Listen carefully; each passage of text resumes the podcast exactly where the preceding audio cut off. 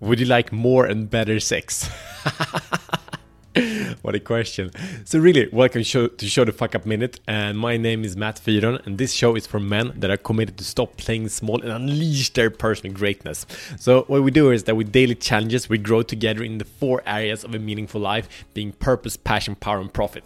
So the problem is that you know most couples do not talk enough about sex. Uh, so many couples after a couple years, after a couple kids, do not have enough sex, uh, or anyway, at least one of the partners think so.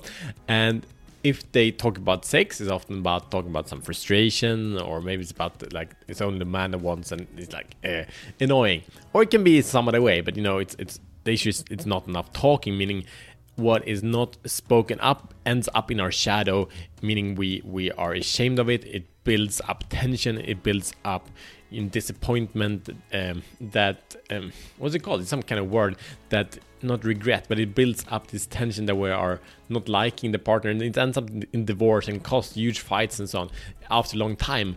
Uh, I've been part of uh, there for sure in, in my marriage, and it goes back and forth. Uh, but really, it's, it's about how can we bring in this conversation to inspire sex in our partners and inspire intimacy in a beautiful way. So, the solution, what is it? You want to know? of course, let's do this. So let's go create a space. And the space we create is a space of open questions in a relaxed environment that we're like, we're honestly curious. We don't have a projection like you should say that, you should do that, you should like this and that, you should like me, whatever. Actually, like just be curious. Like get to know your woman in an intimate, honest way. Like that's like with sex, like we're ashamed of who we are, like we think we're wrong. That's what we all can learn when we grow up. But if you can just listen to her, because there is usually a lot of kind of suppression and, and things hindering us as both men and for the women to come out. So, your mission, if you should choose to accept it, is first like we have the, the, the bonus question comes first and this is like such an important question to kind of create space. And first we need to realize that men and women are opposite so men has sex to create connection. What men usually want is actually connection but sex is the way to get to that's how we understand it. And for women it's the absolute opposite. So for women they want need first connection to get into a space of intimacy and sex.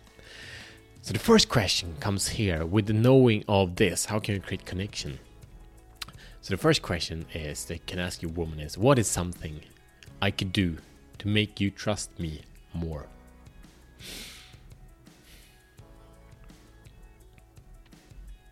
It's uh yeah, enjoy that question.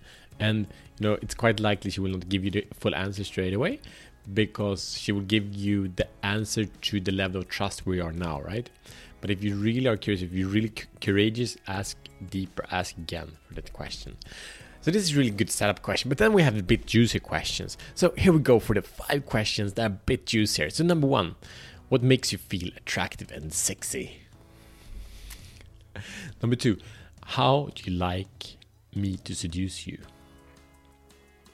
And it can be, you know, both ways, like how, how have I seduced you that you really liked, and how would you like me to seduce you that I haven't done before? It's the two parts, right? Number three, what's your favorite time of the day to be intimate? Number four, what do you like me doing in bed to you? What's your favorite thing, right? Number five, are you open to me being more directive and dominant in bed? You like that question, huh? the truth of that question, and, and what the fifth question is not about any kind of violence, anything like that, but it comes directiveness and dominance and and for women usually they need they, they have a need to surrender. If they're the feminine part they need to surrender and they feel really relaxed and calm and taken care of if they are you know held in a safe space.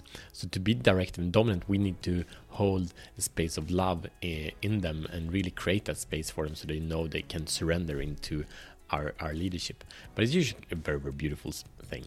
Okay so that's the five questions. Ask them for more and better intimacy and sex with your with your partner. Enjoy. I'm looking forward to you sharing them. Go to the show the fuck up brotherhood and share your experience. And maybe your fears. Oh no i can't ask this. I'm so freaking scared about this. We'll see how it comes. And if you know a man that wants to level up the intimacy with his wife share this episode with him. It might save the marriage might save the health of their kids, and so many other things. So, so please share this. And as always, if you subscribe, review, and rate our show, it means so much. See you tomorrow as better men.